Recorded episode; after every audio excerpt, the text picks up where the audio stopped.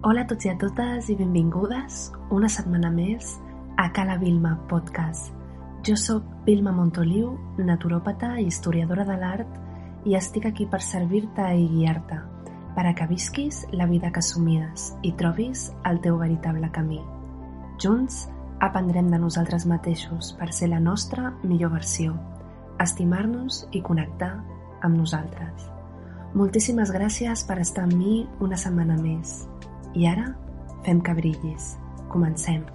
Avui parlarem de com l'ordre del teu voltant indica com està el teu interior.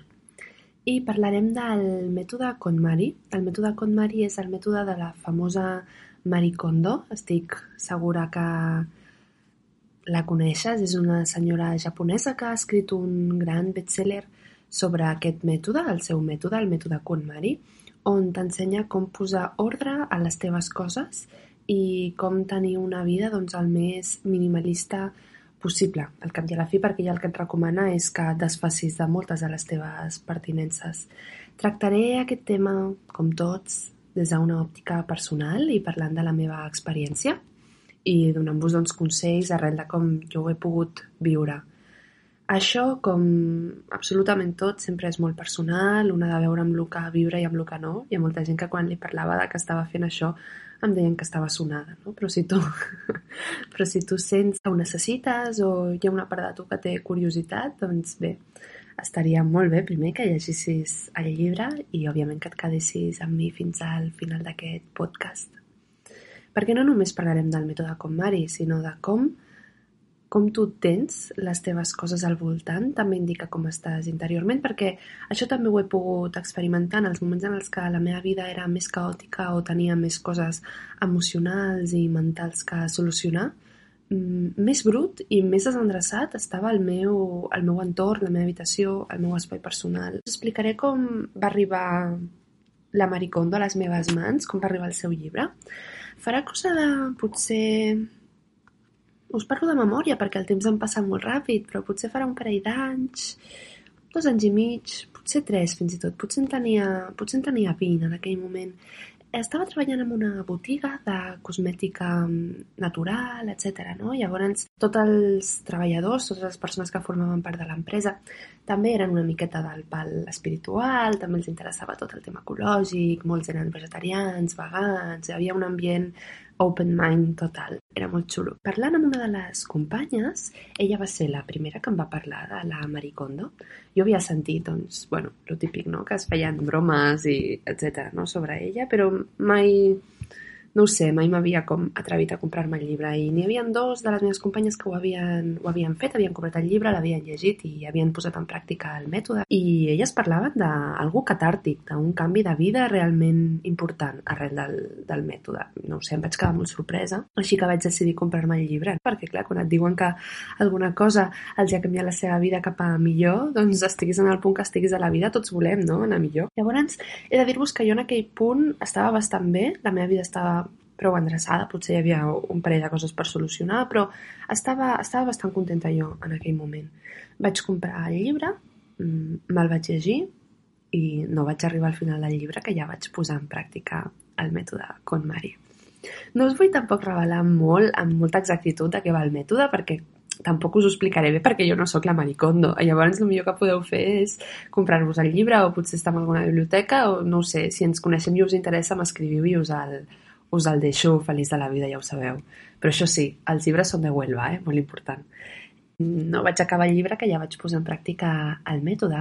Ella comença recomanant que ho fem a la roba que tens en l'armari. Val. Doncs en aquell moment estava jo potser fent un canvi, no? El que era la vida d'adolescent l'estava deixant de banda, ja em sentia més adulta, més gran, i la veritat és que la majoria de la roba que tenia o no me la posava o ja no em representava el que fos. I el que recomana és que ho treguis absolutament tot de l'armari i a partir d'aquí doncs, agafis cada peça i miris si aquella peça et produeix felicitat, doncs la mantens i si ja no et produeix res, li dones les gràcies amb aquella peça i la poses en una pila, doncs òbviament la roba és bo poder-la donar o passar amb unes altres persones. Si està molt velleta, doncs potser no, però bueno, se'ls ha de saber donar una segona oportunitat a totes les peces de, de roba. No, no estic parlant de que llanceu la roba, ni molt menys, perquè el que vaig fer va ser donar-la donar, -la, humana.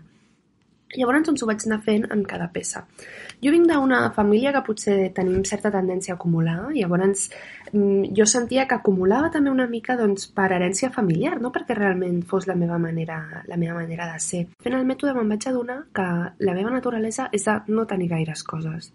Realment no us puc dir que porti una vida minimalista perquè ni molt menys, però sí és cert que en el meu armari doncs, potser, mm, ara m'invento els números, però potser vaig passar de tenir 500 peces a tenir-ne, no ho sé, 150. No us exagero, vaig, em vaig desfer de moltíssima roba. És cert que jo en aquell moment doncs, també estava en un procés de canvi, de, estava passant d'una època vivencial a una altra, no? i això doncs, també propicia que jo volgués canviar el meu estil, m'estigués trobant a mi mateixa, etc. Però la pila de bosses que vaig fer per donar humana era, o sigui, les podia posar una al costat de l'altra en fila índia i feia tot el passadís de casa. I és un passadís que no és un passadís curt, bueno, no sé quants metres deu de fer, però potser vaig fer vuit bosses d'aquelles grans. És cert que, en fi, tenia molta roba, perquè, com us dic, vinc d'una família que té tendència a acumular, però va ser molt gratificant adonar-me'n realment de com sóc jo, no? Perquè jo no tinc aquesta tendència a acumular. I a vegades doncs fem les coses perquè les hem vist fer a casa i és difícil també mirar-nos al mirall i reconèixer que és verdaderament nostra i quines coses hem adquirit. Òbviament, n'adquirim moltíssimes de coses de casa, molts cops bones, molts cops no tant, però bueno, el que us vinc a dir que penso que és xulo adonar-nos d'això i, i veure-ho, no? mirar-nos al mirall i, i saber diferenciar totes les nostres cares. Doncs bé, així va començar amb mi el, el mètode Mari, així vaig començar la Maricondo, fent una neteja extrema del meu armari. A part és molt impressionant perquè ja t'ho fa treure tot i posar damunt del llit. I, ostres, quan veus tota la roba pilada, et dona per reflexionar, eh? Vull dir, dona, dona aquí per, per molts podcasts, jo penso, la sensació de, de quan vaig veure tota la roba pilada damunt del llit. Després d'aquesta neteja extrema de l'armari, em vaig sentir, no ho sé, et quedes de debò, que és que et sents, et sents estupenda. És que jo em sentia estupenda. I també una cosa que vaig aprendre, eh, ara us parlo de la roba, no? arrel del mètode, és a comprar molt millor. Perquè vaig aprendre també una mica el que ve a ser la, la compra sostenible no? de roba. No em vull posar en aquest, en aquest jardí, perquè hi ha persones que saben molt més que jo i que estan molt més conscienciades que jo i no us vull anar de guru de la sostenibilitat perquè no, no és el cas. M'agrada ser una persona molt, molt honesta i no, no, no, us, vinc, no us puc parlar d'això perquè no, no en sé prou i sobretot no ho aplico prou a la meva vida. Però sí que és veritat que ara no compro tant com comprava, compro molt poc, realment el que compro ja sé quines coses m'agraden i quines coses li trec profit i sobretot ja estic aprenent a veure en quin moment estic de la meva vida no quan ja estic sortint, sinó quan m'hi trobo. Això penso que també ho van fent, ho van fent els anys i espero poder-ne aprenent molt més any rere any de tot això. És una mica aquesta sensació de ja no comprar compulsivament, pensar-m'ho tot molt, si entra una peça nova a l'armari, doncs plantejar-me si és perquè un altre similar s'ha posat velleta, llavors la, la donem, ens en desfem, la reciclem, etc. Per això penso que és, és important el que t'obre aquest mètode perquè comences a, a reflexionar no només del que tens a casa, sinó al tot voltant. També és cert que en els moments de la meva vida en els que he estat millor o en els que he fet un canvi, normalment faig dues coses. Una és canviar el meu pentinat. Això crec que ho fem moltes persones, siguem dones o homes, crec que és perquè necessitem un canvi, és xulo veure'ns al, al mirall i recordar-nos de que, ei, acabo de fer aquest canvi, o ei, estic diferent a com estava fa uns mesos. I el pentinat és una que ho, que ho reflexa, no? I que ho veus i que t'ho recordes i que a més els altres també ho poden veure. No sé, potser podríem parlar més dels temes de pentinats i com reflecteixen les diverses personalitats. I després, una altra cosa que faig sempre és una gran neteja, un gran ordre. No? I en el punt en el que em va arribar aquest llibre a la meva vida estava bé, però també estava posant ordre a moltes coses. Per això que us comento que estava visquent un canvi, un canvi d'etapa un canvi d'etapa que després he sapigut que potser ha durat un parell d'anys. Però, bueno, la joventut, no? quan, quan ets jove et penses que tot és molt ràpid i a mesura que vas creixent te n'adones que no, que, que la vida doncs, flueix i requereix els seus tempos i és molt important que també tingui silencis. Després de fer la part amb la que ella recomana començar, que és el tema de, de la roba, vaig aplicar el mètode KonMari ja no per la roba, sinó com una manera de funcionar. Com algo amb el que, quelcom que aplico per tot. Totes les coses ara, abans de llançar-les, me les miro i dic, ostres, això realment em fa feliç, no em fa feliç? I quan ho he d'anar a comprar, igual. El que us vinc a dir és que el, el poso, el background que et deixa aquest llibre, després s'aplica a totes les coses de la teva vida, perquè fins i tot considero que s'ha de ser molt net amb les persones que tens al teu voltant, amb el que escoltes, amb el que llegeixes, tot forma part de, tot forma part de tu i de tot ens nodrim. I sobretot les persones amb les que decideixes compartir temps, acabes assemblant amb aquestes persones. Per això crec que s'ha de tenir una higiene molt gran també amb les persones al teu voltant. I d'alguna manera el mètode com Mari, un cop l'has assimilat, també l'apliques a les persones que tens al teu voltant. No dic que despertar d'una persona sigui com despertar de la roba o conèixer algú sigui com comprar-te una peça de roba, ni molt menys, però et queda una manera de pensar i de funcionar la veritat és que diferent, o almenys en el, en el meu cas, així va ser.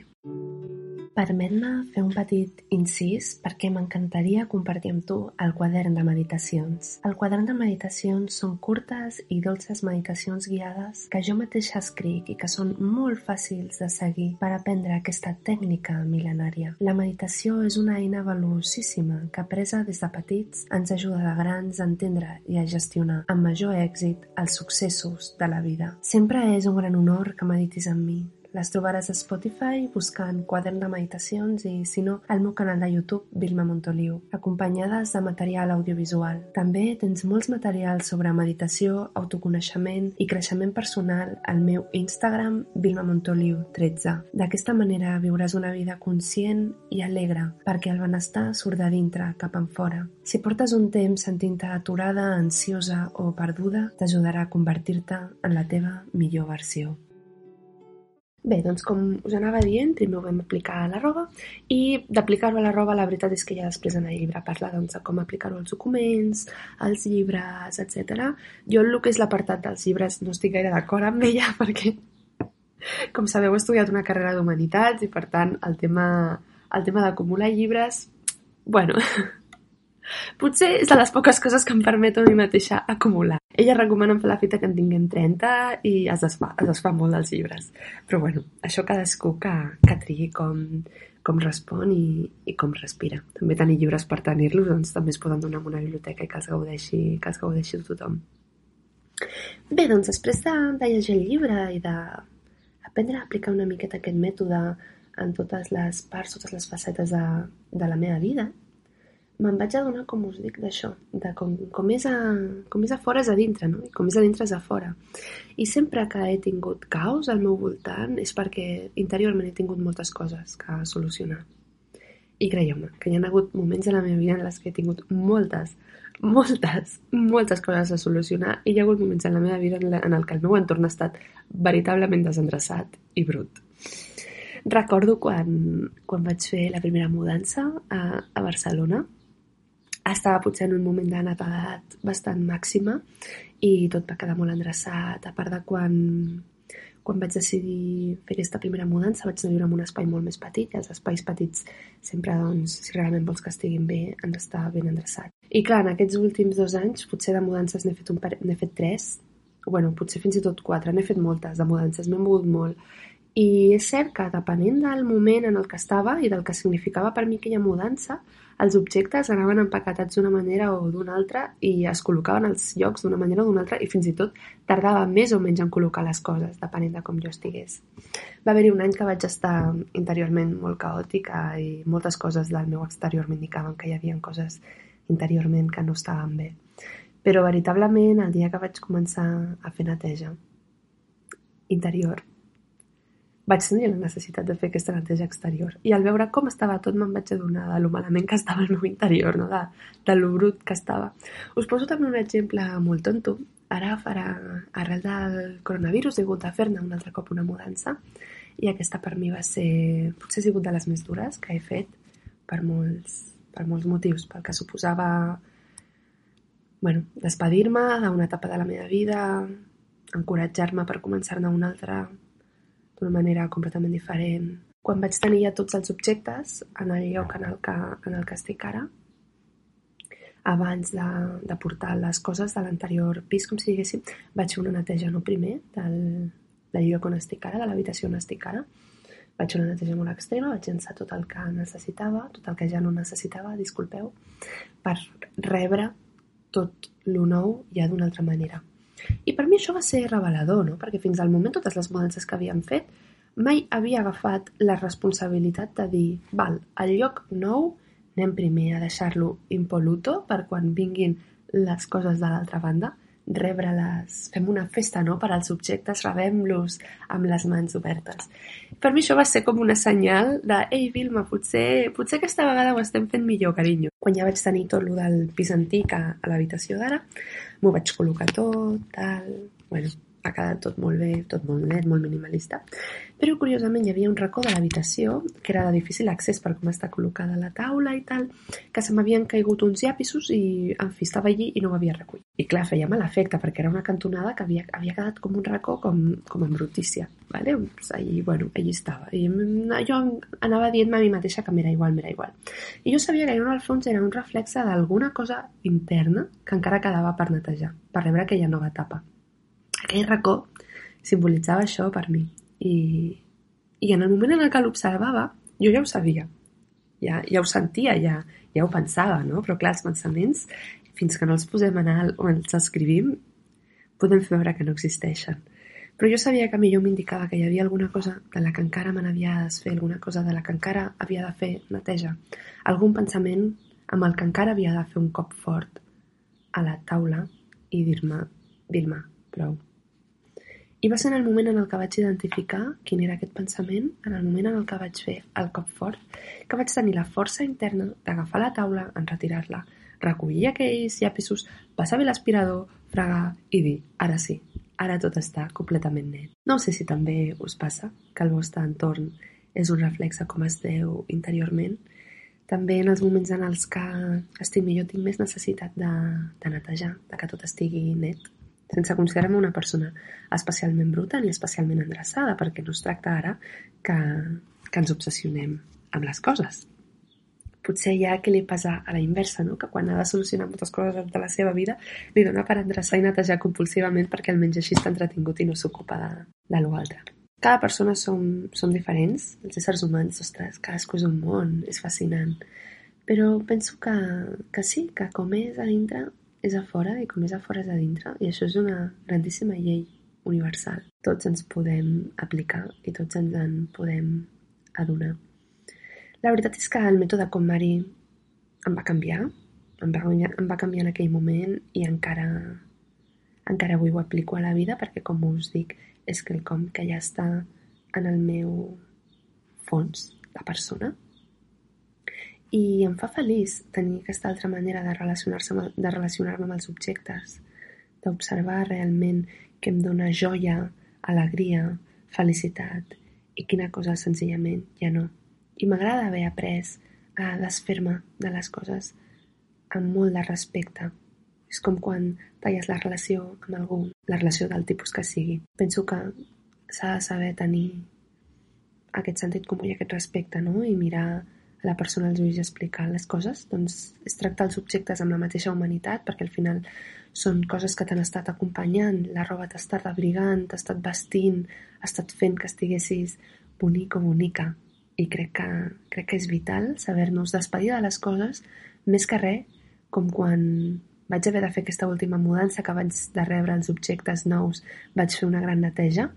Penso que és una manera d'enviar-li a l'univers el missatge de «Ei, M'estic despedint d'això amb aquest respecte i aquesta estima perquè estic molt llesta, molt preparada perquè m'arribi la gran oportunitat, perquè m'arribi les coses meravelloses o les persones fantàstiques que m'han d'arribar. Crec que penso que això és una llei universal que tots ens podem aplicar. I bé, fins aquí el podcast d'avui. Em faria molta il·lusió si féssiu alguna història per Instagram mentre escolteu el podcast per compartir-lo també amb els vostres amics. A mi em trobareu com Vilma Montoliu 13. Us dono les gràcies infinites per estar amb mi un dimarts més i ens veiem, com sempre, la setmana que ve. Un petó.